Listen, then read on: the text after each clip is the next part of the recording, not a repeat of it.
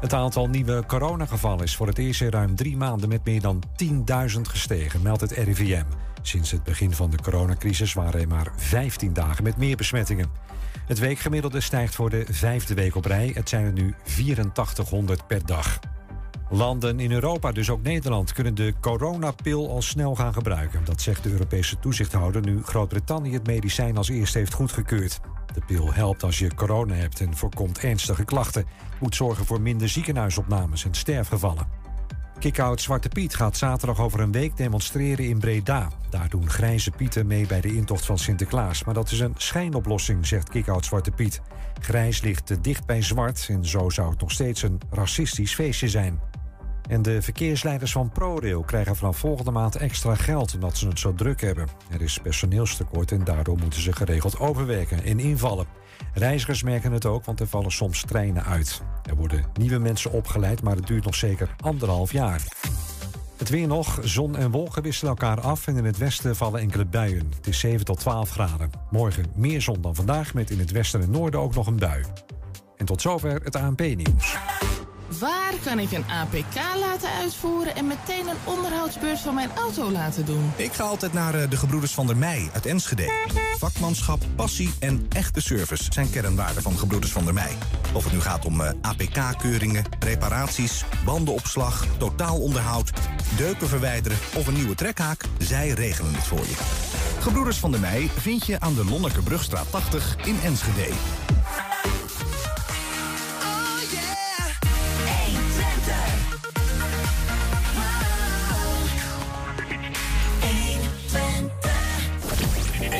Twente. Weet wat er speelt in Twente. Met nu het nieuws van 4 uur. Goedemiddag, ik ben Peter van Oudheusden. Het aantal nieuwe coronagevallen is voor het eerst in ruim drie maanden met meer dan 10.000 gestegen, meldt het RIVM. Sinds het begin van de coronacrisis waren er maar 15 dagen met meer besmettingen. Het weekgemiddelde stijgt voor de vijfde week op rij. Het zijn er nu 8400 per dag. Landen in Europa, dus ook Nederland, kunnen de coronapil al snel gaan gebruiken. Dat zegt de Europese toezichthouder nu Groot-Brittannië het medicijn als eerste heeft goedgekeurd. De pil helpt als je corona hebt en voorkomt ernstige klachten. Moet zorgen voor minder ziekenhuisopnames en sterfgevallen. Kickout Zwarte Piet gaat zaterdag over een week demonstreren in Breda. Daar doen grijze pieten mee bij de intocht van Sinterklaas. Maar dat is een schijnoplossing, zegt Kickout Zwarte Piet. Grijs ligt te dicht bij zwart en zo zou het nog steeds een racistisch feestje zijn. En de verkeersleiders van ProRail krijgen vanaf volgende maand extra geld omdat ze het zo druk hebben. Er is personeelstekort en daardoor moeten ze geregeld overwerken en invallen. Reizigers merken het ook, want er vallen soms treinen uit. Er worden nieuwe mensen opgeleid, maar het duurt nog zeker anderhalf jaar. Het weer nog. Zon en wolken wisselen elkaar af en in het westen vallen enkele buien. Het is 7 tot 12 graden. Morgen meer zon dan vandaag, met in het westen en noorden ook nog een bui. En tot zover het ANP-nieuws. Waar kan ik een APK laten uitvoeren en meteen een onderhoudsbeurs van mijn auto laten doen? Ik ga altijd naar eh, de Gebroeders van der Mei uit Enschede. Vakmanschap, passie en echte service zijn kernwaarden van Gebroeders van der Mei. Of het nu gaat om eh, APK-keuringen, reparaties, bandenopslag, totaalonderhoud, deuken verwijderen of een nieuwe trekhaak, zij regelen het voor je. Gebroeders van der Mei vind je aan de Lonnekerbrugstraat 80 in Enschede. Ja hoor, daar zijn we. Morgenavond staat de Twentse voetbalderby op het programma. Hoe goed heeft Ron Jans zijn troepen klaargestoomd? De mooiste verhalen hoor je bij de kapper of aan de toog. Zometeen gaan we praten over de textielcafé... waar de mooiste textielverhalen worden opgedist. Er wordt gepraat over een coronapas voor toegang tot de werkvloer. Maar mag dat eigenlijk wel? Damstijl-advocaat Nandini Lachman die praat ons bij. En alles over het Johanneskerkje in het Twekelo. Uh, Twekkelo, is het Twekkelo? Twekkelo. Twekkelo, hè? In een nieuw Twents kwartiertje. Oude zeeuw. Het is donderdag 4 november. Dit is 120 vandaag. 120. 1. 120 vandaag. Rudy Bakker, dat is de oud-eigenaar van het bedrijf SE Fireworks, waar 21 jaar geleden de vuurwerkramp plaatsvond, deed een tijdje terug aangifte. Onder andere tegen gemeente Enschede. Centraal daarin staan onderhandelingen over de grond onder het vuurwerkbedrijf. En een bod van anderhalf miljoen op 12 mei 2000. Dat is de dag voor de ramp. We hebben er uitgebreid eh, over gepubliceerd. En de PVV-fractie in de Enschedese gemeenteraad die heeft vragen gesteld aan het college van BMW in Enschede. Voorman Jan-Willem Elverink die is eh, bij ons. Jan-Willem, welkom. Dankjewel, eh, Niels. Ehm, om te beginnen, eh, wat is jullie of jouw betrokkenheid eigenlijk bij die vuurwerkramp? Uh, nou ja, zolang de PVV in uh, Enschede uh, in de gemeenteraad zit, zijn we al zeer geïnteresseerd in de vuurwerkramp. ja, dat is natuurlijk een hot item nu nog steeds, nu alweer, moet ik eigenlijk zeggen.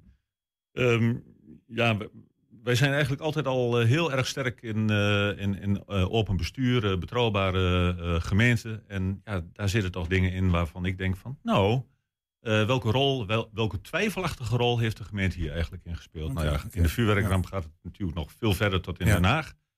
Maar goed, nou heeft uh, uh, de voormalige directeur, meneer Bakker, een, een, ehm, een heel lijvig rapport aan het OM, OM overhandigd. Nou, daar Mhm. was ik zeer in geïnteresseerd. ik heb veel stukken ook gelezen. En ja, er komen zaken naar voren waar ik denk, oei, Ja. ja. Enschede, wat hebben jullie hier gedaan? Want die, die aangifte die gaat ehm, nou ja, onder andere over brandstichting. Ja. En over een mogelijk motief voor brandstichting op Ja. die plek SA Fireworks op 13 mei eh, 2000. Klopt. Ehm, wa- wat is er dan in die aangifte eh, van Rudy Bakker... wat aanleiding is geweest voor de fractie van de PVV... om vragen te stellen aan het college? Nou, je kunt je voorstellen, eh, er zijn een aantal zaken eh, die gespeeld hebben 21 jaar geleden. Eigenlijk daarvoor al. Eh, de, de grond Mhm. eh, van eh, waar SE Fireworks eh, is gevestigd. eh, eh, eh, dat, is, dat was nog steeds in bezit eh, van, eh, ehm,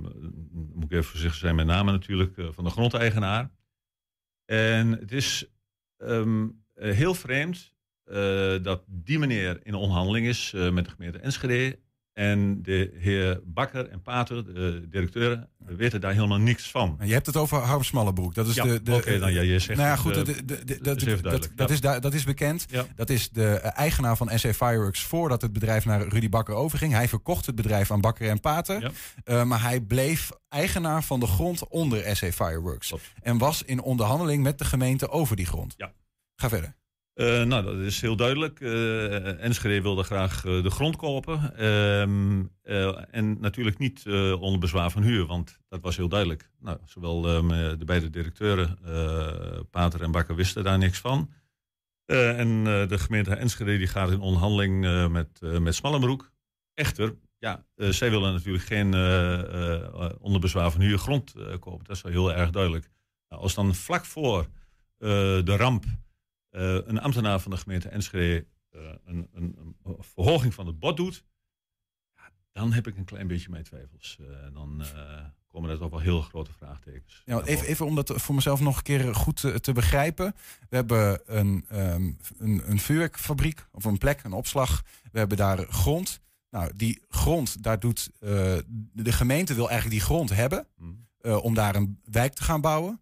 Maar daar zijn ook nog huurders, namelijk Rudy Bakker en Willy Pater met een vuurwerkfabriek. Ja. En de gemeente heeft eigenlijk zoiets van, ja, eh, we willen die grond wel hebben, maar dan zitten we met die huurders. Dus eh Smallebroek, los het eerst maar op met die huurders. En dan gaan we pas eigenlijk eh, verder. Maar ze doen eigenlijk al het bod, terwijl Bakker en Pater daar nog zitten. En dat is gek. Dat, dat is heel vreemd natuurlijk. Eh, eh, uiteraard eh, kan de gemeente een, een bod doen op een stuk grond. Dan moet Smallebroek zich netjes melden bij de directeuren en zeggen: van, ja, goed, moet je luisteren, ik wil de grond verkopen. Ehm, maar dan moet hij ze natuurlijk uitkopen, zo simpel ligt het. Nou, dat heeft hij dus niet gedaan. En dan wordt er vlak voor de ramp, toevallig eh 12 mei, wordt er een eh, verhoging van een bod gedaan. Want de gemeente wil graag de grond hebben. Ja, en dan klinkt het voor mij een klein beetje, ja, eh zorg maar dat je eruit komt eh, met, eh, met dit bod. Ja. Ja. Ja, maar, en wat, maar wat is dan eh, je daadwerkelijke vraag hierover aan, aan Enschede? Ja, we hebben in eh, totaal 18 vragen gesteld. eh, en ik hoop dat we daar ook antwoord eh, op krijgen. Want eh, ja, ik, ik, ben, ik ben bang dat eh, de gemeente Enschede tegen ons zegt van ja, het ligt onder de rechten. Maar dat doet het nog niet. Het is eh, ingeleverd bij de OM. O- Mhm. En het OM moet uiteindelijk beslissen of het onder de rechten komt, ja of nee. Dus eh, Ja. ik, ik ga er vanuit, eh, nog steeds vanuit dat, eh, dat we antwoord krijgen op, op onze 18 vragen. Ja. Dat is een behoorlijk complex aantal. Maar goed, normaal gesproken moeten ze binnen de drie weken moeten ze ons antwoord Mhm. geven. Maar, maar, wat, no- nogmaals, wat vind je dan zelf, of wat vindt jullie fractie op dit moment? wel- Welke openstaande vragen zijn er nog aan het college? Zeg maar, wat is de belangrijkste vraag?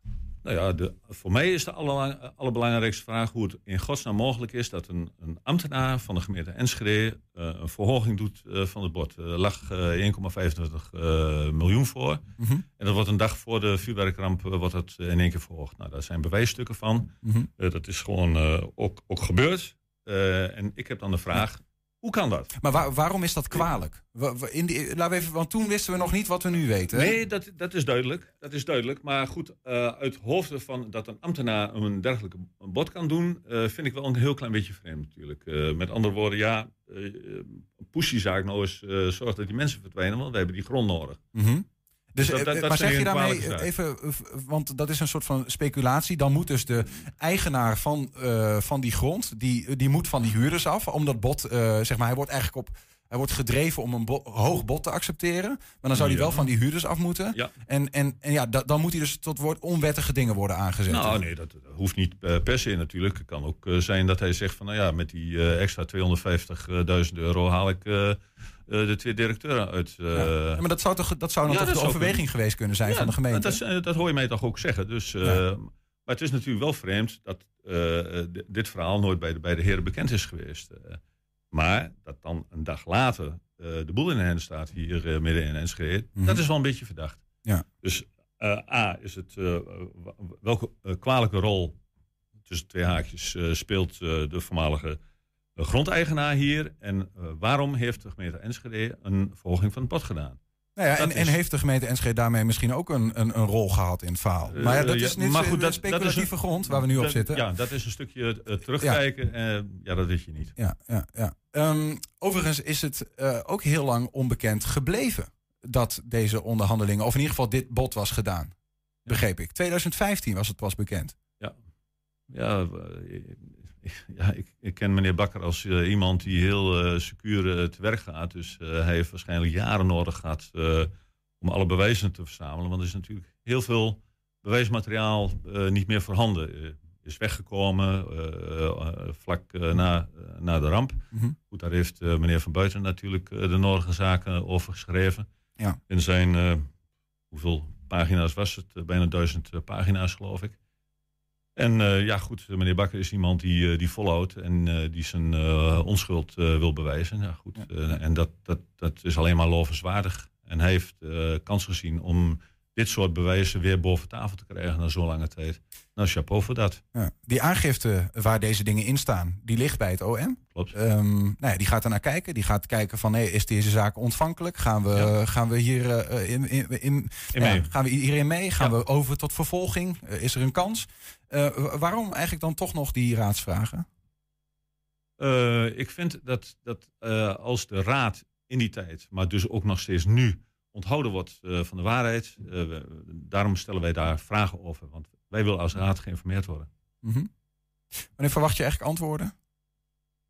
Eh, ja, tussen nu en twee weken. Ja? Al iets gehoord? Iets van reactie, wandelgangen? Nee, geen enkele reactie Helemaal niks. van het college, Nee, helaas. nee. En Stel dat je antwoorden op die vragen krijgt. Wat, wat kun je er dan mee? Wat is dan het vervolg? Nou, het ligt eraan welke vragen, welke antwoorden komen op die vragen natuurlijk. Ja, ja. Eh, maar goed, eh, we blijven heel erg kritisch. eh, en wij vinden gewoon belangrijk dat wij als raad, hoofdorgaan van de stad hier in Enschede geïnformeerd worden naar, naar de waarheid. Jan-Willem Elfrink, fractieleider bij de PVV in Enschede. Dank voor, nou ja, voor je uitleg. En ik ben benieuwd wat eruit gaat komen. Ja, wij ook, dankjewel. De mooiste verhalen hoor je bij de kapper of aan de toog. Zometeen gaan we praten over textielcafés waar de mooiste textielverhalen worden opgedist. 120. 1. 120 vandaag. Ja, morgenavond staat de Twentse Derby op het programma. En zowel FC Twente als Heracles kan de punten daarvoor eh, goed gebruiken. Beide ploegen haalden uit de afgelopen drie wedstrijden maar één punt. Ron Jans, ehm, ja, de derby. Daar wordt soms toch wel wat speciaals aan eh, opgehangen. Eh, hoe, hoe is dat voor jou? Ja, nou, ik heb er nou twee meegemaakt, maar dat, eh, dat was surrogaat zonder publiek. dus dus ja, ik denk van beide kanten. Maar zo'n derby is gewoon, dat, dat is gewoon speciaal. En nou ja, voor de stand in de competitie is het ook niet onbelangrijk, lijkt me. Nee, ik denk dat jullie... eh, ja, sowieso kun je altijd de punten gebruiken. Maar eh, ja, beide ploegen kunnen de punten denk ik op dit moment goed gebruiken... gezien eh, de resultaten van de afgelopen weken. Ja, we hebben, we gewoon... eh, ja, zeg maar, ergens drie punten gewoon laten liggen. Misschien wel het meest in de wedstrijd in NEC. Maar er zijn meer momenten geweest. Een beetje ongelukkig. Maar de laatste drie wedstrijden heb je maar één punt. En ja, dat, dat, dat, dat, is, niet dat is niet genoeg. Alleen dat draai je niet meer terug. Dus dan eh, moet het morgen gebeuren. Denk jij dat er nou ook ehm, andere krachten vrijkomen in zo'n ontmoeting? Omdat er dus wat extra's om me heen hangt? Ja, dat, dat, dat is toch wel weer een paar procent eh, extra. Alleen als je kijkt naar onze ja, thuiswedstrijden, een heel aantal... Ja, dan, dan was de intensiteit in een aantal wedstrijden was al 100% eh, zo'n beetje. Dus daar kan ook niet veel meer bij. En dat, dat, moeten, we weer, dat moeten we weer tonen. Misschien kijk ik ook een klein beetje met een schuin oog. En na- juist naar jullie tegenstander die op vreemde bodem wat meer moeite lijken te hebben. Hè, dat is puur gebaseerd een beetje op de uitslagen. Denk jij dat dat dus morgen anders is? Doordat dit gewoon ja, toch een ander soort wedstrijd is, zo'n derby? Ja, dit is, eh, dit is echt wel anders, denk ik. eh, Omdat het een derby is. En dan lees ik ook dat als ze de IJssel overgaan... dat ze dan eh, minder presteren. Maar ze hoeven de IJssel nou niet over. Dus, eh, maar ik denk met name dat eerst het speciale gevoel... eh, dat, dat haalt toch... eh, dat moet ook bij beide kanten moet dat zo zijn. En ja, wat Heracles doet, dat, dat vind ik veel minder belangrijk. Maar wel dat het bij ons het beste gewoon naar boven haalt. Maar toch verwacht jij, want daar hadden we het vorige week ook even over... Hè, dat jullie graag hoge druk zetten, soms wat meer moeite hebben... als jullie zelf het spel moeten maken. Is Heracles nou juist zo'n ploeg die dat misschien bij jullie gaat proberen af te dwingen... en jullie het spel laten maken? Ja, maar... Soms gaan dingen een eigen rol eh, leiden. Eh, We, we hebben eh, t- tegen, ehm, tegen PSV een uur lang. eh, misschien heb je wel... Nou, dat vind ik dus niet. Maar eh, eh, te goed gevoetbald. En te veel met voetballende oplossingen gedacht. Waardoor je in de counter dan, dan de tegengoals eh, krijgt. Waarbij nog steeds denk god jongen, die derde en vierde goal... die hadden nooit toegekend eh, moeten worden. Maar ja, dat, dat is eh, je weer afhankelijk van andere factoren. Dus, dus dat wij ook tegen NEC de tweede helft... vond ik ons beter voetballen dan, dan NEC. En, en hadden we eerder recht op een overwinning dan op een nederlaag. Alleen, ja, dat hebben we onszelf aangedaan. En de eerste helft was toen niet goed. Nee, maar denk je dat Heracles ehm, wel gaat proberen dat voor elkaar te krijgen? Dat Ja, ze- ik denk dat zij een kopie willen hebben wat ze tegen Ajax hebben gewoon laten zien. Ja. Dus eh, ja, de duels opzoeken. En, en eh, ja, dan hebben ze natuurlijk ook eh, met, met, met de counter en wat individuele kwaliteit hebben ze ook ja, wapens. Dan jullie eigen ploeg. Ja, ja, twee vragen die misschien wel het meest branden. Gaat Wout Brama de wedstrijd halen? Dat was jouw hoop. Die zit bij de wedstrijdselectie. Oké. Kun jij iets zeggen over hoeveel hij aan zou kunnen? Dat kan ik wel, maar ehm, ik ben niet van plan om heel veel eh, eh, te zeggen. En de volgende vraag zal wel zijn of Oenerstal eh, erbij is. ja. En ehm, wij gaan vanmiddag beslissen of hij morgen bij de wedstrijd is. En als hij bij de wedstrijd is, dan keept hij ook. Maar we moeten kijken of hij ehm, ja, een reactie heeft op de training van, van vanmorgen. Oké. Daar heeft hij wel wat aan meegedaan. Daar heeft hij wel wat aan meegedaan. Ja, ja, want anders Dus- kunnen we niet nee, terugkijken. inderdaad. Ja, dat zal misschien ja, een slok op een borrel schelen. Maar goed, eh, ja, hoeveel gaat Nou het ja, anders uitmaken staat Jeffrey de Lange er gewoon in. Ja. Dus, eh, ja. Ja, nog even een, een ander iets. Want het ging natuurlijk ook de afgelopen weken... toen Michitjan steeds basisplaatsen had... van ja, misschien moet hij dan een keer een kans in de basis krijgen. Ja, hoe vind jij dan dat hij die handschoen heeft opgepakt? Ehm, ja, hij, hij viel gewoon... Ik vond hem de tweede helft de beste man. Eh, en viel die gewoon geweldig in. Ja, bij, ehm, eh, bij, bij ehm, PSV krijgen we een aantal eh, goals tegen. En dan was hij wel heel vaak in beeld. Ja, ga je daar consequenties? Zou je daar ook con- consequenties aan Nou, verbinden? dat hoeft niet altijd, want eh, de spelers... eh, ja, het, het gebeurt wel eens. En, en ik wil niet zeggen dat het dan elke week gebeurt. Maar ehm, dus ook dat laat ik open. Ja, tot zover eh, Ron Jans dus over die Twentse derby. Morgenavond wordt die gespeeld. Dan de verhalen uit het rijke verleden van de Twentse textielindustrie bewaren voor het nageslacht. Daar draait het om bij de textielcafés die de aankomende weken elke zaterdag verspreid door de regio gehouden worden. Nou, aan tafel Liesbeth Hassink. Ze is eh, van het Bussenmakerhuis eh, in Borne. Ook kartrekker van het eerste textielcafé daar aankomende zaterdag. En Enschede Bert Keur. Hij werkte vanaf zijn veertiende eh, bij Van Heek in Enschede. En eh, hij is eh, op, ik geloof, 11 december in de museumfabriek... ook bij het textielcafé betrokken. Welkom, beiden. Eh, eerst beginnen even met een quizvraagje. Eh, we zitten nu in een pand die ook sterk gelieerd is aan de textielindustrie. maar ik, ik, Liesbeth, misschien eh, is het leukste om ja, bij jou te beginnen. Heb jij een idee in welk pand we zitten? Geen idee. Nee? Nee. Bert? Als maar Dit is het Bert weet het. Balengebouw. Ja. Het Balengebouw? En ik neem aan dat het nog van Menko was, denk ik. Maar volgens mij heeft ook weer de kunstenaar Wolterbouw dit ook hebben, als ik het goed heb. Ja, even kijken. Ja, de- het was een onderdeel van de voormalige textielfabriek de Bamshoeve. Ba- Of de Bamshoeven bedoel ik. Ja, en eh, waar de katoenbalen werden opgeslagen. Altijd een eh, mooi, mooi verhaal. Ik heb het nooit zo gekend overigens. Ik wel. Ja, ja u wel. Want, want Bert, ehm, je werkte bij eh textielfabriek van Van Heek. Eh, vanaf je veertiende. Tussen 14 en 5. Ik weet niet exact meer. Ja. Het is zo verschrikkelijk lang geleden. Tussen, dan maar zeggen, 14 en een half jaar. Dus na de lagere school ging je naar de textielvakschool. Hengeloze straat. Later was het ROC. Ja. Daarna ging ik naar Verneek, Noorderhagen, leerlingweverij. Noorderhagen stond hij? Ja. Kunnen we daar nog resten van zien? Dat is, nee, dat denk ik niet. Dat, was langs de Van Lochemstraat. Noorderhagen stond een hele grote muur. Daarachter was Van Eek. Ja, ja. En een klein stukje is er nog over langs de spoorlijn... waar de spinderij is, dat zijn de appartementen. Precies, ja. ja. Hey, als, je, als je 14, 15 bent, wat doe je dan in zo'n textielfabriek? Omdat ik mee... Ik mocht vroeger niet kiezen. Ik moest mee. Dus ik moest naar de textielschool. En daarna... Ik heb nooit gesolliciteerd, laat ik het zo zeggen. Nee. Daarna begon ik er automatisch. Want je, Met je- drie broers. Oké. En, en, en met uw vader ging u daar? Mijn vader werkte daar al. Ja. Ja. En wat was uw taak dan in de textielfabriek? Ik ben begonnen met een leerlingweverij. Daarna was een leerlingweverij aan de Botlof Tubantia-singel, daar ergens. En daarna ben ik naar de wolweverij, was bij Van Eek nog. Als u een beetje denkt aan vroeger de winterjassen, die tweejassen. U weet Ja, misschien ja, nog wel. zeker. Die werden daar geweest, daar was ik kaartenmaker. Een tijd geweest. Verder ging ik dus door de B-Tex. Denk meer aan B-Metal, kent mensen allemaal met de B-Tex. En dan ging het hele fabriek door. Daarna ben ik naar de hogere textielschool geweest. Aan, eh, dat is nou de Mare. Mhm. Dat was eigenlijk voor het kader, laat ik maar zeggen. Daarna ben ik in dienst gegaan. Toen Militaire ik- dienst. In militaire Ja. dienst. Toen ik terugkwam was een gedeelte van Veneer gesloten. Behalve nog bij Te Kuilen daarboven, bij de Polaroid. Daarboven was nog een vloerweverij met vloergordijnen. Daar heb ik nog rondgewandeld. Door, na militaire dienst toch nog de textiel even ingegaan? Ja, ik moest. Ja, nou, ik had geen... Eigenlijk, ja, dat was wat automatisme, een automatisme eigenlijk. En ik moest dat ook eigenlijk, Ja. dacht ik. Maar toen was een groot deel van de textiel Ja. eh, eigenlijk al aan banden in. Enschede. Maar men wou me, de, laat ik zo zeggen, de familie Keur misschien niet kwijt. Er was nog een oom, mijn vader, drie broers.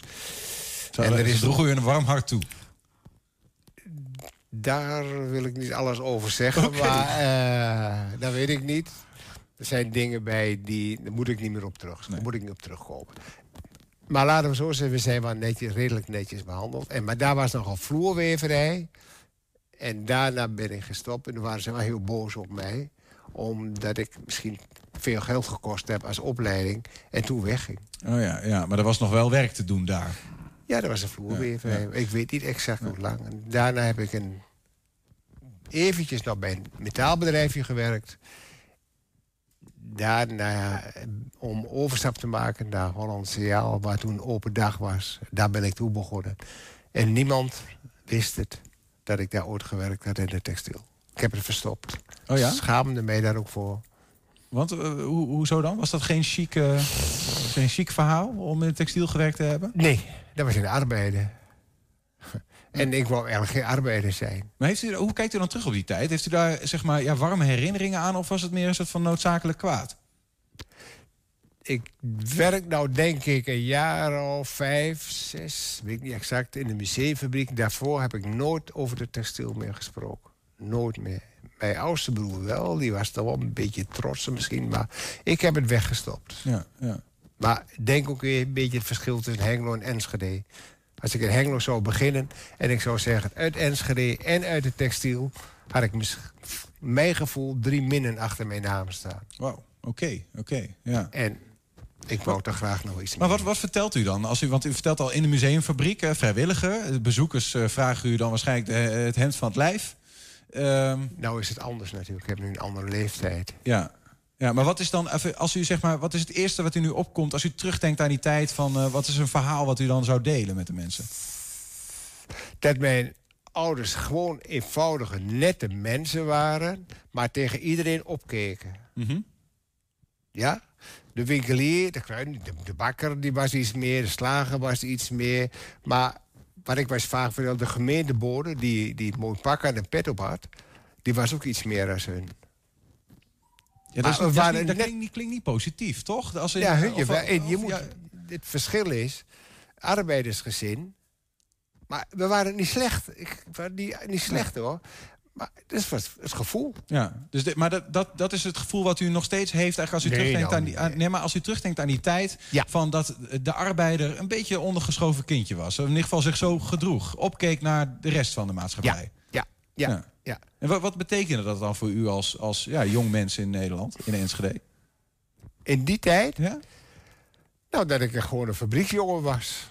Niet meer. Niet Heeft dat de rest van uw leven nog een beetje Nee. doorgesudderd eigenlijk? Nee, nee, nee, nee. Daarna was ik redelijk gebekt. En ik ben via de ondernemingsraad cursussen gevolgd. Gesprekken in het openbaar, bla, bla, bla. Mhm. En je zit eens een keer in de directiekamer... en dan denk je, hé, hey, die meneer is net zoals ik ben.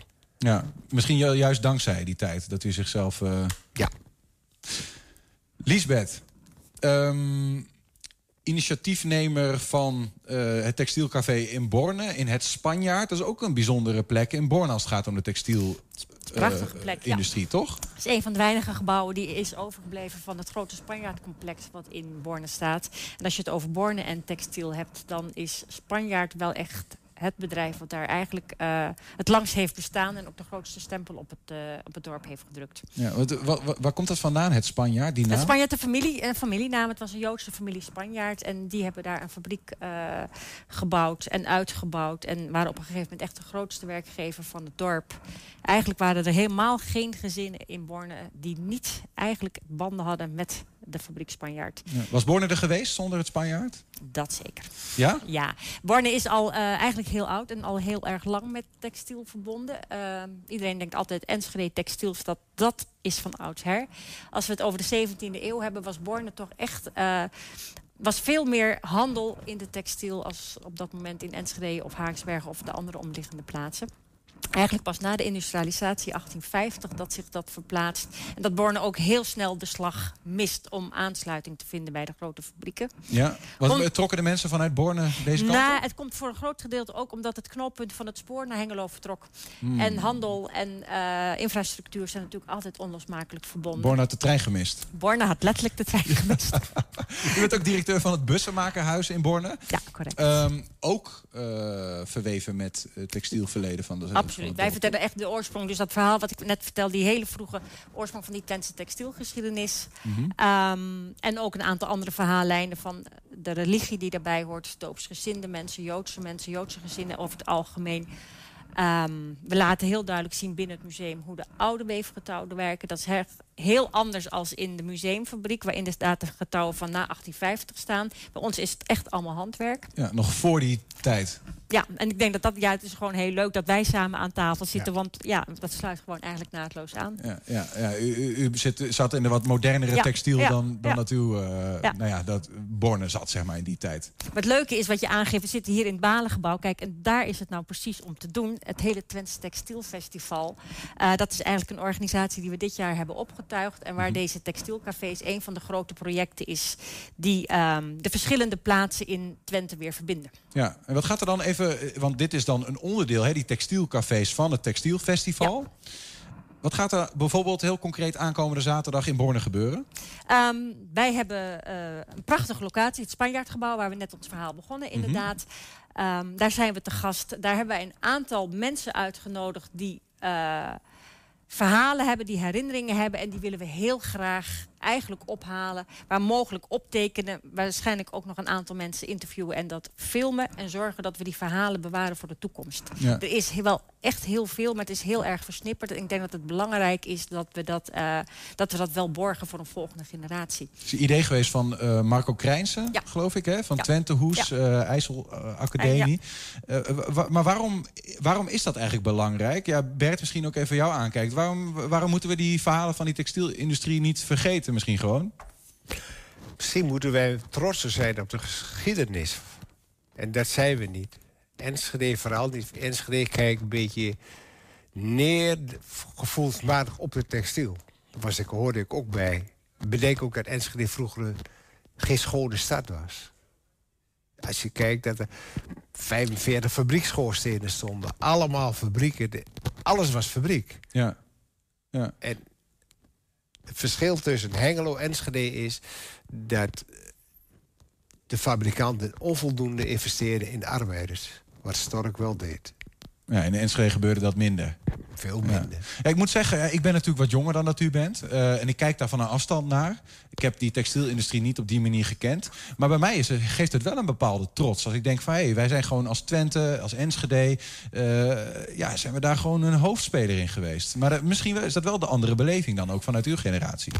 Nou, 100% De vakbonden zijn een beetje ontstaan. Ook in Enschede. En ze zijn neergeslagen door fabrikanten, door de burgemeester... en misschien wel door de geestelijken. Hè? Het, het verhaal ging ook vaak van... eh, als jij ze dom houdt, hou ik ze arm. Ja. En, en, en het was niet breed bij in het textiel. Ehm Lisbeth, heb jij nog iets toe te voegen? Waarom, waarom is het belangrijk dat dit gebeurt? Dat die verhalen daar verteld worden en opgetekend of gefilmd worden in dit geval? Het is onze identiteit voor een gedeelte, denk ik. En ik denk dat het belangrijk is dat we het delen. Maar er zijn ook heel veel mooie dingen terug te Ja. vinden in het landschap, denk ik. De stadsparken zijn natuurlijk veelal door de textielbaronnen eh, ehm, aan, aan de gemeente gegeven. Er zijn heel veel mooie buitenplaatsen die daaraan eh, refereren. Mhm. Ehm, we hebben nog veel oude gebouwen. Er is ook heel veel gesloopt. Misschien sommige dingen goed. Andere gebouwen hadden we misschien op dit moment heel graag bewaard gezien.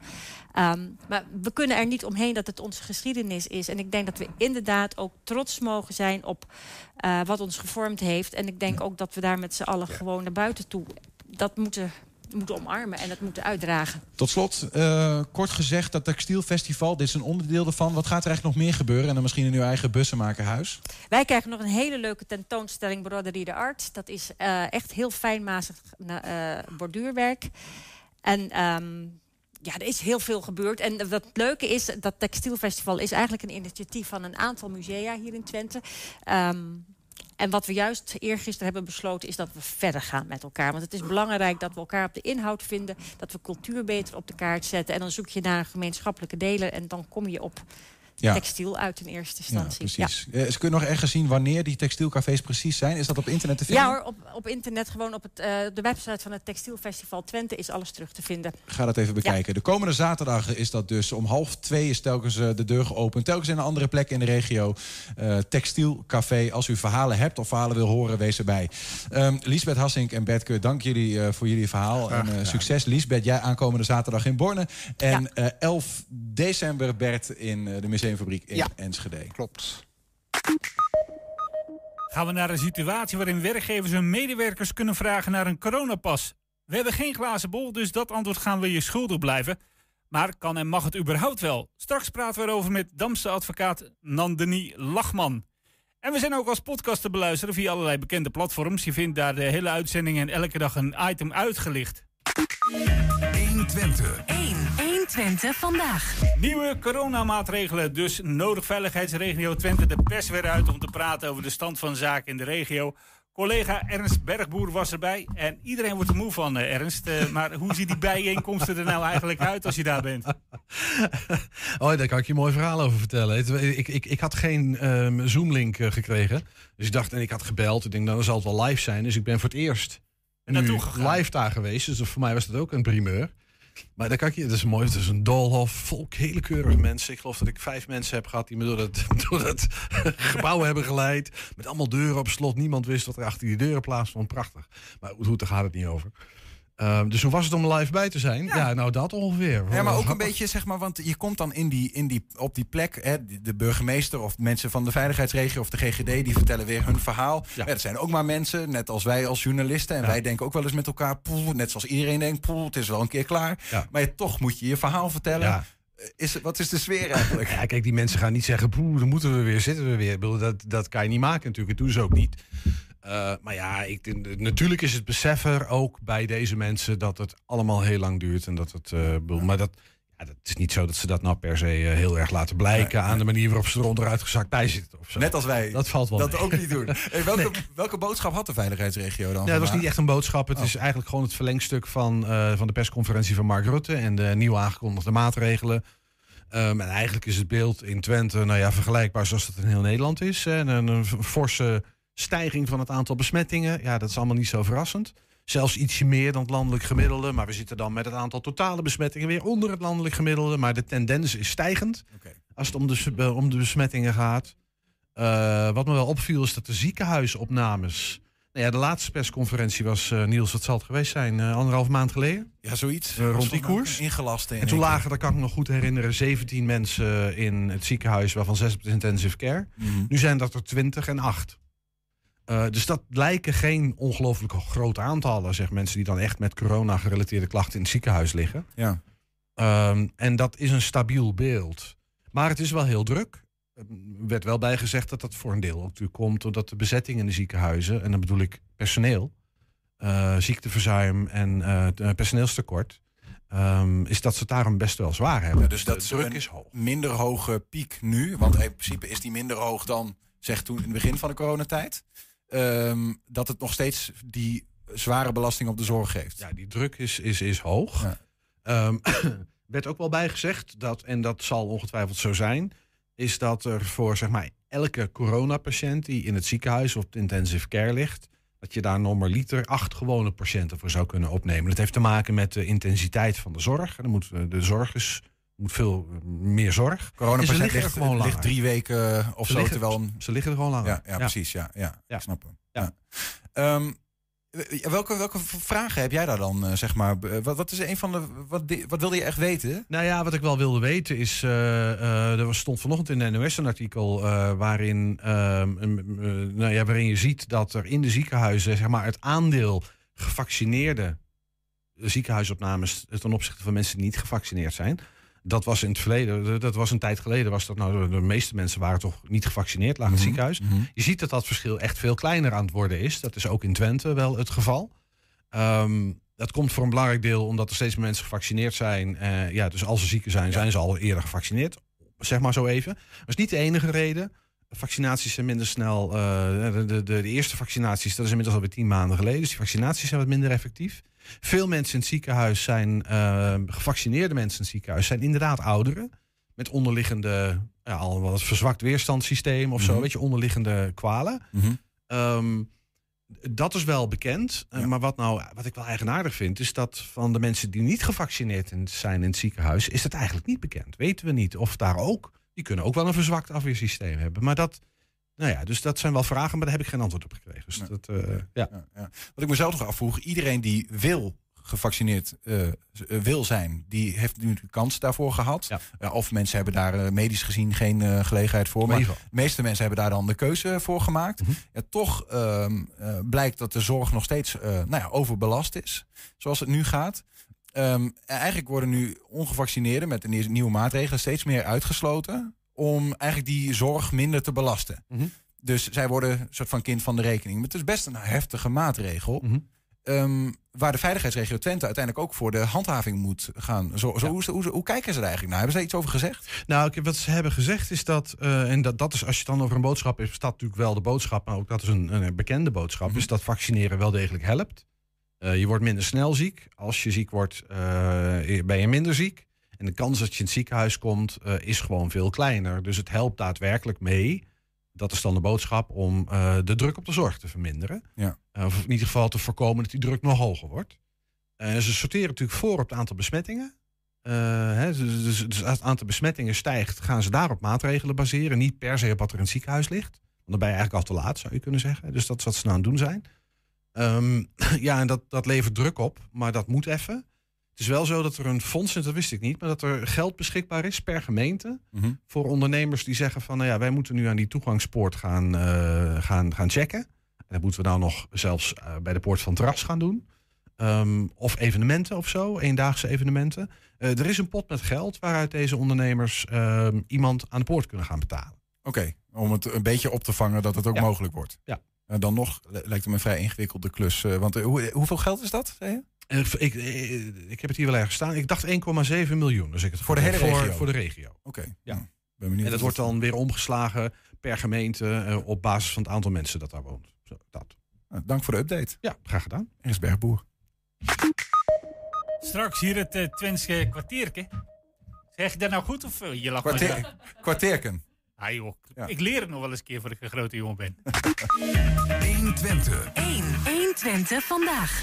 Ja, de coronapas wordt op steeds meer plekken verplicht. Zo blijkt uit de persconferentie deze week. Vanaf morgen moet die ook worden getoond voor toegang tot bijvoorbeeld sportscholen, zwembaden, dierentuinen, pretparken en musea. Het kabinet sprak ook over het invoeren van coronapascontrole voordat je de werkvloer op mag. Dat gaat volgens ingewijden niet op korte termijn gebeuren, maar mag het überhaupt? Rechtspraak met Damstee Advocaten. Aan de telefoon Nandini Lachman. Goedemiddag. Goedemiddag. Om maar met de deur in huis te vallen, mag een werkgever een, eh, ja, zo'n QR-code voor toegang vragen? Eh, nou, een heel simpel antwoord eh, daarop is eigenlijk nee. Op dit moment is dat niet toegestaan. Want als een werkgever dat wil doen en checken, dan hebben ze daar een wettelijke basis voor nodig. En die wettelijke basis is er nog niet. Die wettelijke basis is er nog niet. Maar hoezo dan hoezo niet? Want het mag nu al wel bij cafés bijvoorbeeld. Wat maakt een café anders dan de werkvloer?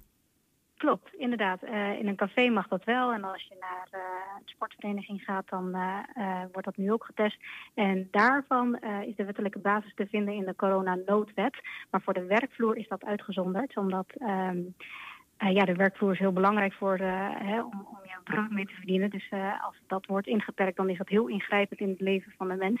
Dus dat is uitgezonderd en dat is niet opgenomen in de coronanoodwet. Ja, ja. Dus de, in die coronanoodwet staat heel specifiek beschreven... als je je brood ermee verdient, eh, dan eh, kan het niet. Nou, niet in die bewoordingen, maar eh, in de uitvoeringswet is inderdaad een uitzondering gemaakt voor, eh, eh, eh, voor de werkvloer. Maar dat lijkt er nu toch te komen. Ja, want er wordt over gesproken, maar er wordt ook gezegd... ja, de Tweede Kamer moet dan nog wel akkoord gaan met een eh, wetswijziging. Het kan dus wel. Eh, klopt, ja. En die voorbereidingen die zijn volgens mij nu ook in eh, volle gang. En eh, ja, als er dan een, een dergelijke wet komt, dan moet dat een parlementaire wet zijn. Dat betekent dat dat eerst door de Eerste Kamer goedgekeurd moet worden en door de Tweede Kamer goedgekeurd moet worden. Dus dat duurt nog wel even. Ja.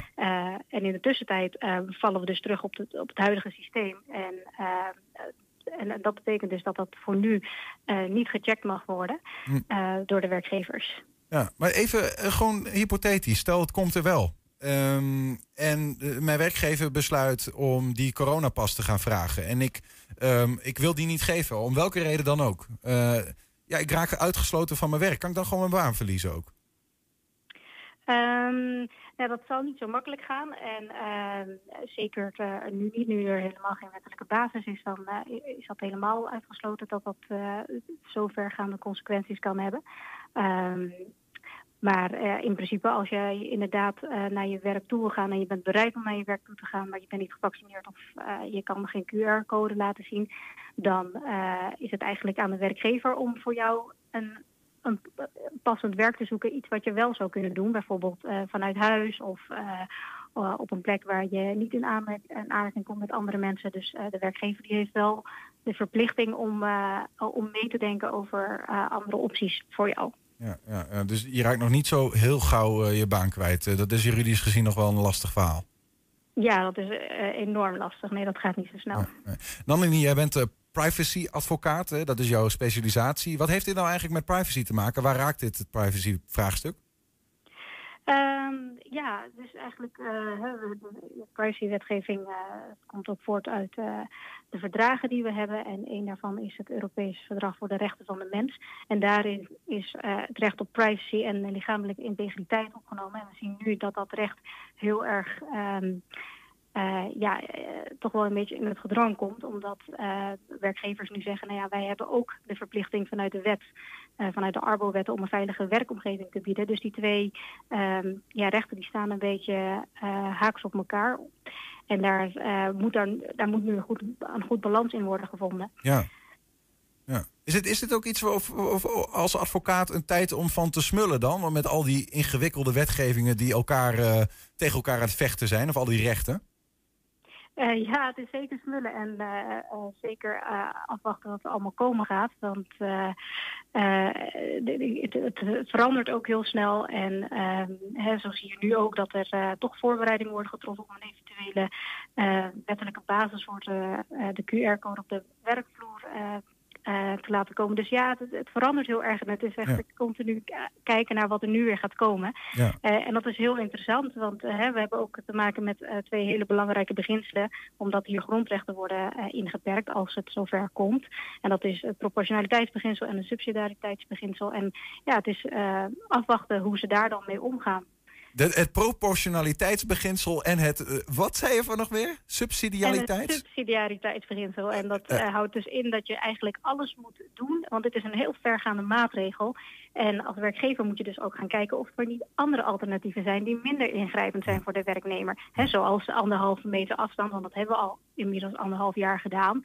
En ehm, ja, dan zou, moet je wel met een gedegen uitleg komen waarom dat dan nu eh, niet voldoende zou zijn. Ja, precies. Nou, juridisch gezien inderdaad een interessante tijd. Wil overigens niet zeggen, laten we dat gezegd hebben, dat het ook een leuke tijd is. Dat is iets anders. Hè? Eh, dat het leuke maatregelen zijn of wat dan ook.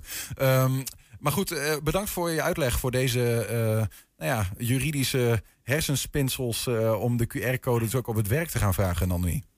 Ja, heel graag gedaan. Nandini Lachman van Damstee Advocaten. Heb je een tip voor de redactie? Mail het dan naar info.120.nl 120. 1. 120 vandaag.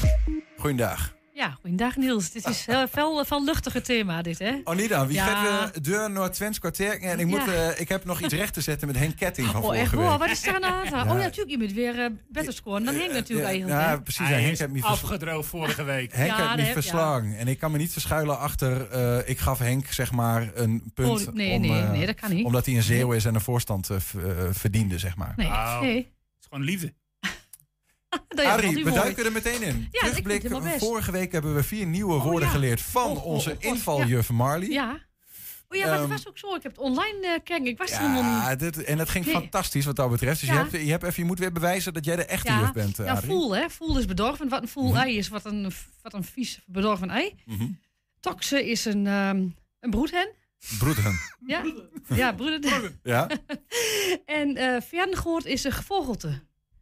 Oké. En we hadden nog het woord van de week. En dat was deze keer... Goorstok. Ja, die kennen we, hè? Goorstok, de moet- wandelstok. Het moet niet altijd te moeilijk zijn, hè? Precies. Nou, er komen weer nieuw, vier nieuwe woorden aan. Drie in een quiz, één woord van de week. Eh, dat allemaal straks. Ze worden ingeleid door natuurlijk een thema. En het thema deze keer is het Johanneskerkje in Twekkelo.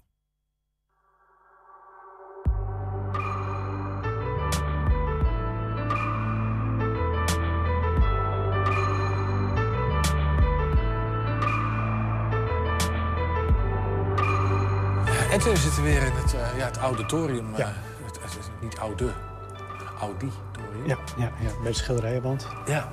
Ik heb een eh, leuk schilderij uitgekozen om het vandaag over te hebben. ja, ja, ja, ik, ooit ooit heb ik deze de keuze gemaakt voor de schilderij in deze wand. En Oké, dit, is- is jouw, dit is jouw collectie. Eh, eh, eh, ja, het is mijn Jouw keus. jouw mijn keus. Ja, mijn keus. En dat is dat het een beetje bij elkaar past, dat de afmetingen kloppen en dat het een beetje chronologisch is. Heel pragmatisch. Ja, heel pragmatisch. En, en, en, maar ook wel probeert een beetje variëteit, landschapje, personen. Eh, Ja, want, eh, dit, want dit- deze wand, het gaat over Twente. Hè? Dit zijn allemaal Ja, Twentse... ja, precies. Het is allemaal en. Enschede, Twente, hoe ver gaat het? Ja, gewoon Twente. Twente, Oost-Duits. Of, of eh, oostelijk deel, eh, eh, eh, zeg maar Oost-Nederland plus Duitsland, eh, de grensgebied. En, en, en jij neemt ons mee naar een van deze schilderijen. Ja, dat vond ik leuk, want ik heb wat, wat landschapsdingetjes. Wat eh, Huis Hengelo zit ertussen, Oh. eh, wat boerderijtjes. Eh, eh, en toen vond ik dit eh, kerkje. Ik denk, hé, hey, het, ik kom de fietsen wel eens langs. Johanneskerkje uit Twekkelo. Oké, dit is het Johanneskerkje uit Twekkelo. Ja, dacht ik, oh leuk, die hang ik ertussen. Ja. Hè, ik bedoel, daar is wel een leuk verhaal. Een trouwerij, Ja. een Johanneskerkje. En hang ik ertussen, want het is sowieso echt een, een leuk het- plaatje. Het is best een goed schilderijtje eigenlijk. Maar de Willem Brakman, de schrijver, Ja, we hebben zijn schilderij hier van Willem die heeft dit gemaakt. Ja. Hè? Ja, en hij was dus een, een, een, zeker een, verdienstelijk schilder ook. Nou, dat blijkt, ja. Ja. Maar sterker nog, hij was een schilder die hier in Twekkelo heeft rondgehobbeld. Eh eh Boekelo woonde hij. Eh Boekelo. Ja, hij, was, hij, hij woonde in Boekelo. Hij kwam veel in Enschede. En hij is niet Hij hier woonde af... in Boekelo. Ja, Dus Brakman heeft een... Bijna Enschedese leden, zal ik even zeggen. Boeklo. Ja, maar, ja, ja, maar hij, hij, hij is geboren in Den Haag, dus hij is niet oorspronkelijk hier afkomstig. Maar hij is dus, dus op een gegeven moment eh, volgens mij ook opgeleid als huisarts oorspronkelijk. Oh. En hij is hier naar Twente gekomen. Maar als huisarts? Ja. Oh, maar dan wil ik, eh, ga ik even, nou, wil ik toch een oproepje doen. Als er nou mensen zijn die. Ik, ik ben, ik, Willem Brakman was mijn huisarts en je hebt een leuke anekdote. dan wil ik dat weten. Dat is nog niet het hele verhaal. Want, eh, eh, want, want, want, want eh, ik dacht de schilderij, eh, Brakman, ik ging me even verdiepen. En toen, we hebben een hele collectie boeken van Brakman ook in de bibliotheek liggen. En toen zag ik dit boek. Ja, vrek. Ja. Het is op de cover van Ja. Anzichten uit Amerika. Ja, dit is het eerste boek wat hij schreef nadat hij de PC Hoofdprijs kreeg. En ja, dit, dit, dit boek heeft hij gebruikt als cover van, voor het boek. Nou, dat vind ik wel heel erg leuk. Dus zijn eigen schilderij als cover van zijn boek. ja En dat leuk. wist jij niet toen je dat schilderij ophing? Nee, had ik geen idee. Nee, ik kwam daarachter en, eh, en toen, nou, wij maken als een afspraak van, eh, we gaan een filmpje opnemen. Ik dacht van, ik ga dat boek lezen en dan kan ik daar wat leuks over vertellen. En? ja, nou, ik moet ik zei, het was niet doorheen te komen. het was, Serieus? Ja, ja, Ga je nou de grote Willem Brakman zit je, zitten afkijken? hier zo? Ja, nou ja, ik hou wel van een verhaal. eh, ik, ik, lees, ik, ja. lees, ik lees best wel veel. En dan het liefst ook wel dingen, allemaal weetjes en zo van van alles en nog. Maar ik lees ook wel gewoon boeken met een verhaal van kop, en, kop tot staart. En dat is dit niet. Dit, dit lijkt echt wel een stijl, een, een stijloefening.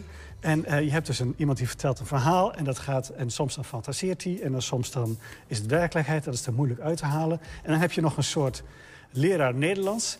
Eh, een soort eh, vert- verteller. Dus je hebt de schrijver en heb je verteller. En die geeft dan om de paar pagina's geeft hij commentaar op de verteller... van wat hij stilistisch niet goed gedaan heeft. En, eh, en commentaar op de hoofdpersoon, dat het een, labbezak is... en dat hij meer dingen dat moet doen. Of dat, het, dat hij nou heel erg veel fantaseert, dat een keer actie moet maken.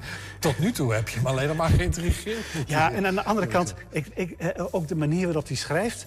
ehm, eh, het is even wennen, maar het is best wel humorvol. Hoe hij mensen beschrijft met als een eh, eigenaardigheden... van hoe mensen bewegen, hoe ze in een hoekje gaan staan. En eh, dat doet hij best wel mooi.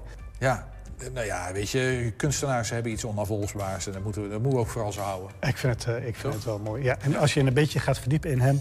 eh, ook in zijn, zijn, zijn, zijn, zijn levenswandel en zo... het is toch een ontzettend kleurrijk figuur als je dat ziet. Ik denk, het is toch... Jan Kramer. eh, Ja, ja, ja, ja, ja. kennelijk eh, is er toch vruchtbare grond voor dat soort types. Ja. Hey, en, en nog heel even, want eh, verder over dit schilderij en dat kerkje en dat bruiloftje. Weten we daar iets van? Of is dat eh Nee, nou in duisteren gehuld?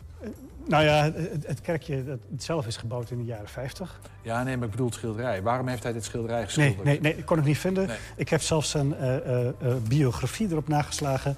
Er staat, staat ook niks over vermeld. Ook niet van waarom hij dat gedaan heeft. Het een en ander over dat, over dat boek wat uitlegt, maar dan snap ik het nog steeds niet. Nou ja, de, de, de conclusie van het boek is dat, eh, eh, dat niks zeker is, behalve dat je een keer doodgaat. Dat is wat ik wat uit de biografie begrijp. Oh ja, er is geen spel tussen te krijgen. het? Ja, ik denk, nou ja, als je het zo bekijkt. Ja, Ja, dus, eh, ja, nou, ja, nou, we gaan geen metaforen doen. Da- Die staan volgens mij volop genoeg in dit boekje. Ehm, maar ik, ja, dit- ik vind het wel weer een mooi verhaal. Ja. En dit is een beetje bij toeval ontstaan. ja precies. Ja. Nou, laten we daarmee uit, afsluiten. Er is eh, niet zeker, behalve omdat we een keer doodgaan. Ja, ja, dat is wel mooi. Ja. Willem Brakman. Ja. Wat vind je ervan? Ja, ik, eh, nou ja, vorige week was ik heel brak, eh, man. Maar eh, nu ben ik weer... Nee, nee ja, ja, je moet er van Holm, zal ik maar zeggen. Het is heel moeilijk om op oudere leeftijd om zoiets te maken natuurlijk. Hè. Dat je de kinderjaren Ik hoor het wel. Ik hoor het wel. Nee, ik vind het niet, niet, niet, niet mooi, maar ik, ik vind Rembrandt toch net iets mooier. Ja, ja, ja precies. Arie, je hebt drie woorden meegenomen. Je hebt een quizje voor ons. Drie Twentse woorden. Telkens Ja. geef je ons drie Nederlandse betekenissen. Eén daarvan is goed. En Henk en ik moeten eigenlijk redeneren of raden welk, welke goed is. Ja. Nou, woord één. Nou, dat is eh Alterosi. Tuurlijk. Ja, nou wat zal dat nou weer? Het werd natuurlijk bij de kunstenaar en bij... Is het smurrie van bijvoorbeeld eh verf mengen? Is het eh, afbrokkelen? Afbrokkelen van nou ja, je reputatie of iets anders? Van eh, erosie, hè? alterosie, je weet het niet. Of is het chaos? Ja. Zal ik... Heb jij, heb jij een redenering Ja, bij ik heb, een ik, heb, woord? ik heb totaal geen redenering bij dit woord. Eh, Ik dacht iets met alter. To alter is eh, veranderen. Ja. Ehm, en, en, nou ja, maar dat zit er- niet echt tussen. Nee. Afbrokkelen misschien. Ja, en alterosie. Ja, het, het, ah, Erosie. erosie, ja. Dat, dat, zou ik dan eh, als een Hollander eh, dan bedenken. Maar, Ja, ja. maar, Oké. maar ik, ik, ik, ik, ik ga iets voor iets compleet anders. Oh? Ik ga voor chaos. Ja, ik zat dus net te denken, ja, erosie vind ik dan te makkelijk. Dus ik ga eh, afbrokkelen is het dan waarschijnlijk toch niet. Smurrie is denk ik ook niet. Dus ik ga gewoon nu veilig. Vorige keer heb ik dat niet gedaan, omdat we dan Nee. geen spannende strijd hebben. Maar ik ga met je mee, Henk. Ja. C. C. Antwoord C. C. Ja, maar dat is... eh, Antwoord C. Antwoord C. Chaos. d- dat klopt. Hartstikke! Hey. Want eh, het had natuurlijk met de kunstenaar te maken. Hij was eh, eigenlijk arts of hoesarts, maar Mhm. hij kon niet zo tegen de chaos van een praktijk. En daarom is hij hier bedrijfsarts eh, in Enschede. Alteratie, chaos. Ja. Woord Ja. 2. Ja, de, de- woord 2 is uh, leppeljorn. Lepeljaren. Ja. En is dat A, is, zijn dat, is dat de kinderperiode? Mhm. Dat zal kunnen, hè? Is het een B, een woord voor de, de opleiding voor de huishoudschool? Ja. Dat is, eh, dat is, een. Of is het ehm, een voorspoedige periode dat je dus echt eh, dat het goed gaat, dat je goed te eten hebt? Ja, ja, ja, precies. De Ja. Ja. Ja. ja, ik vind ze alle drie goed bedacht. Ja. Eh, ik vind A en C het meest eh, logisch. Zelf. Ja, want de huishoudopleiding, dat... dat Ja, voor de huishoudschool, Ja, weet wat, je wel? niet, wat, wat heeft een lepel dan uiteindelijk ja, met huishouden? Ja, Ja, ja, koken. En, en wat, heeft, en wat heeft deze schilder ermee te maken? Denk dan ook Nou, dat zal ik straks even vertellen. Ja. Nee, maar ik denk toch, Le Leppeljorn... ehm, ik ga dan toch voor, eh, v- voor spoedige periode. Hè? Dat, je, dat je lekker lepelt. Dat je Ja. lekker eh, eten met de lepel, hartstikke idee. Met de paplepel de ingegoten. goede jaren, de vette jaren. De vette jaren. Ehm, nee, ik- ik ga dan toch wat anders eh, doen. Ik, ik ga naar de kinderperiode. Oké, we vullen in, eh, zoals het er hier gaat, eh, voor spoedige periode. Henk, eh, kinderperiode. Arie Hemming, vertel ons wat is goed. Ja, nou, eh, eh, Henk heeft het weer gehoord. Mag ik nog meedoen Henk- naar het spelletje? Of eh, zeg je van blijf maar thuis? Nee, Henk, ik Nou, vind het echt prachtig een Ik kan er niks aan doen. Nou, en het, is, het heeft te maken met, met de kinderperiode. Maar hij schildert eigenlijk vrij kinderlijk. Dat is ook een van zijn eh, eh, kenmerken natuurlijk. Hij doet primaire kleuren, niet, te heel veel, niet zoveel details. Dus het... eh, ja, wat je ook van de Cobra groep zou kunnen zeggen. Vrij eh, kinderlijke schilderijen. Daarom eh, heb ik dat nummer. Oké. Ja, en leppeljorn betekent kinder. Ja, je hebt natuurlijk... Maar, eh, maar wat heeft die huishoudopleiding dan erbij? nou, eh, eh, het koken, lepel, lepel eh, roeren. Precies, maar die is dus Ah, niet oké, goed, hè? maar die is niet Ja, goed. die is Nee, niet goed. Woord op, 3. Ja. Oké. Woord nummer 3. Woord nummer drie. Ja, dat is eh, stunteren. Stunteren. Ja, stunteren. Ja, of stunteren. Stunteren. Ja. Is dat, is dat vernieuwen? Hij was natuurlijk een, eh, iemand die eh, een vernieuwer was. Mhm. Met Niemoordse flantuun, heel ook eens eerder gehad, hè? Zeker, zeker. Is het een resultaat behalen? Want hij heeft natuurlijk wel eh, de PC Hoofdprijs gewonnen, niet? Of is het C, is het moeite hebben met? Het klinkt voor mij als stuntelen. Ja, Stunteren. stunteren, stuntelen. Stunteren, ja. Ah, ja. Dan ik- zou ik zeggen moeite hebben, maar dat is dan weer te makkelijk. En dan ga ik weer denken, dat zal het dan wel weer niet zijn. Je moet je gevoel volgen, Niels. Niels, het gevoel. Gooi er Het wat gevoel in. volgen. Ja, Ja, stunteren. Ja, dan ga ik gewoon, het klinkt stuntelen, ga ik voor moeite hebben. Ja. Ja. Ja, daar ga ik dan niet voor. En hij had moeite in het westen, dus kwam hier naartoe. Ja. ja, maar goed, als je nou vanuit het westen hierheen komt, kan je ook zeggen, hij gaat vernieuwen. Oké, dus jij vult in A, Ik vul in A. ik vul in C, moeite hebben. En laat het alsjeblieft goed zijn. nou, eh, Niels. Het is goed. Ja! Goed Maar zo. hij had, eh, hij, hij had moeite in het, in het Westen, inderdaad. Maar dat had hij hier natuurlijk ook gehad. Hij had zijn praktijk had, praktijk had. Maar hij had eh, de mensen die zijn eh, literatuur le moesten lezen... die hadden er ook heel veel moeite met om hem te begrijpen. Hij was echt wel... eh nou, hotain wil ik niet zeggen, maar een beetje... nou, niet heel begrijpelijk. Niet toegankelijk. Nee, het is geen Willem Wilmink. Die olle nee. Willem. Nee. Ja, eh, We hebben nog één woord te goed, Henk. Het Ja. staat 2-2, dus we kunnen allebei nog winnen. Ja. Eh, en u thuis ook. Jij, eh, want kijk mee naar Jessie, die gaat de straat op. Oh, het ziet. Ja, ja. Hij is er weer eentje hoor. Nieuw trendswoord van de week. En nieuwe antwoorden. Herstellen, ouderwets opzij. Eh, ik ben heel erg benieuwd wat men eh, denkt deze week. We gaan het vragen. Ik zou het niet weten. B? We? Ja? Een nieuw trendswoord van de week. Ja. Hoe het ziet. Oetsiet. Hoe het ziet. Opzij. Opzij. Ja. Je bent heel snel. Ja.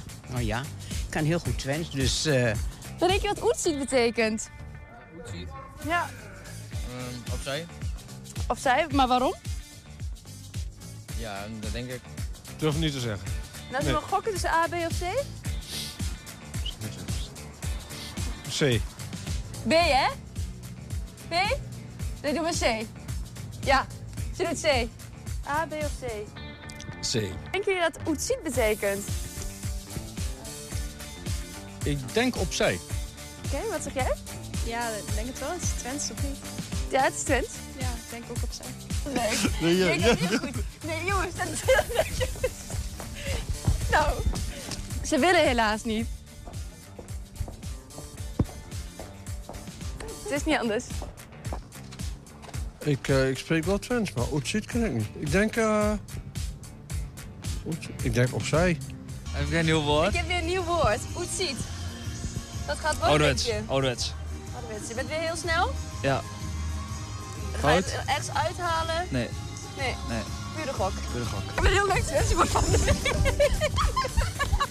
Ze gaan allemaal opzij voor mij. Ik snap niet waarom, maar ik ga het wel gewoon even heel, heel goed herstellen. Want dit, zo gaat het natuurlijk niet werken, het Twentse woord van de week. Oh, nou val ik door de mand. Oh, dat is een moeilijke. Ehm moet zien. Ehm Ik denk ouderwets. geen idee. Een gokje. Opzij. Herstellen. Herstellen, Ah. oké. Het is opziet. Geen En Oetziet. geef ze mij gewoon de verkeerde dingen mee. Ja. Adrie. Dit is niet goed. Dit is... Oetziet bestaat volgens mij niet. Ehm ouderwets? Oetziet, opziet. Mijn cameraman snapt het ook niet meer. Eh, wat is het nou eigenlijk? Oetziet. Nou, ouderwets. Ouderwets. En waarom? Weet ik veel. Oetziet uit. Oet is oud. Het Twentse woord van de week, oetziet. Wat betekent dat? Ik denk ouderwets. Denkt ouderwets. En Ja. waarom denk je dat? Dat lijkt er het meest op. Oké. Ja, of dood, maar dat is uit de tijd volgens mij. Oetziet. Ik denk op zee. En waarom? En ziet, zeden denk ik op zee. Opzij. Opzij, waarom? Het is allebei met de O. Allebei met de O. Oké, nou, ik heb een paar opmerkingen gekregen en dat is... Klopt dit Twentse woord wel, maar Adrie, ik vertrouw echt op jou. Dus ja, ik, ik doe het ervoor. En eh, ten tweede, ja, het is ouderwets of opzij, daar ging het een beetje tussen. Wat denken jullie eigenlijk in de studio? Ja. Laten we eerst eens beginnen bij, eh, bij Adrie. Even, even een dubbelcheck. Dit is wel echt een Twents woord. Ja, ja, ja, het staat in de, in het, eh, in de eh, Twents in woord en gebruik van Dijkhuis. En het staat ook in het dialecticon van Gooitse van Oké, de dan gaan we En het staat ook in eh Schoenveld Wiegers. Dan gaan we daar niet meer Oké. aan twijfelen. Nee. Dit is echt een Twents woord, Ja. Eh, alleen ik heb echt geen flauw idee. Ik oet is inderdaad uit. Dus dan zou ik zeggen iets met uit. Maar dat staat er niet. Ehm, nou ja, eh, ouderwets of opzij ga ik dan ook maar met de mensen mee. Eh, maar ja, wat is het van die twee? Ja. Ik dacht, ik, dacht, ik dacht eerst even nog wat anders, want het lijkt ook een beetje op een Zeeuwswoord. Oetziet. Oetzien. Hè? Hoe ziet dit eruit? Oh. Ja. Maar, maar d- ja, dat staat hier niet tussen. Ik denk, nou, misschien is daar nog ergens een link mee, maar... Nee. En ga, ga eens oetziet. Ga, eens- ga eens uit het zicht. Ga eens opzij. Daar ga ik voor. is zo eventjes het. Bedenk ik me zo. Ja, ja. Ik vind dat een heel ouderwets antwoord. Daar ga ik dan voor. Ja, jij gaat voor B? Ik ga voor B. Ik ga voor C. Ik denk, Oh. Ja, dat snap ik ook wel. Oh. Ja? Komt hij dan? Oetziet, op mijn best Twents, is natuurlijk opzij. Tot volgende week. Zie. De eer is gered. was het ziet, is het. Henk, Was 1-1. opzij. Ja, ja. Tot de volgende keer. Adrie, dankjewel. Doei. Nou.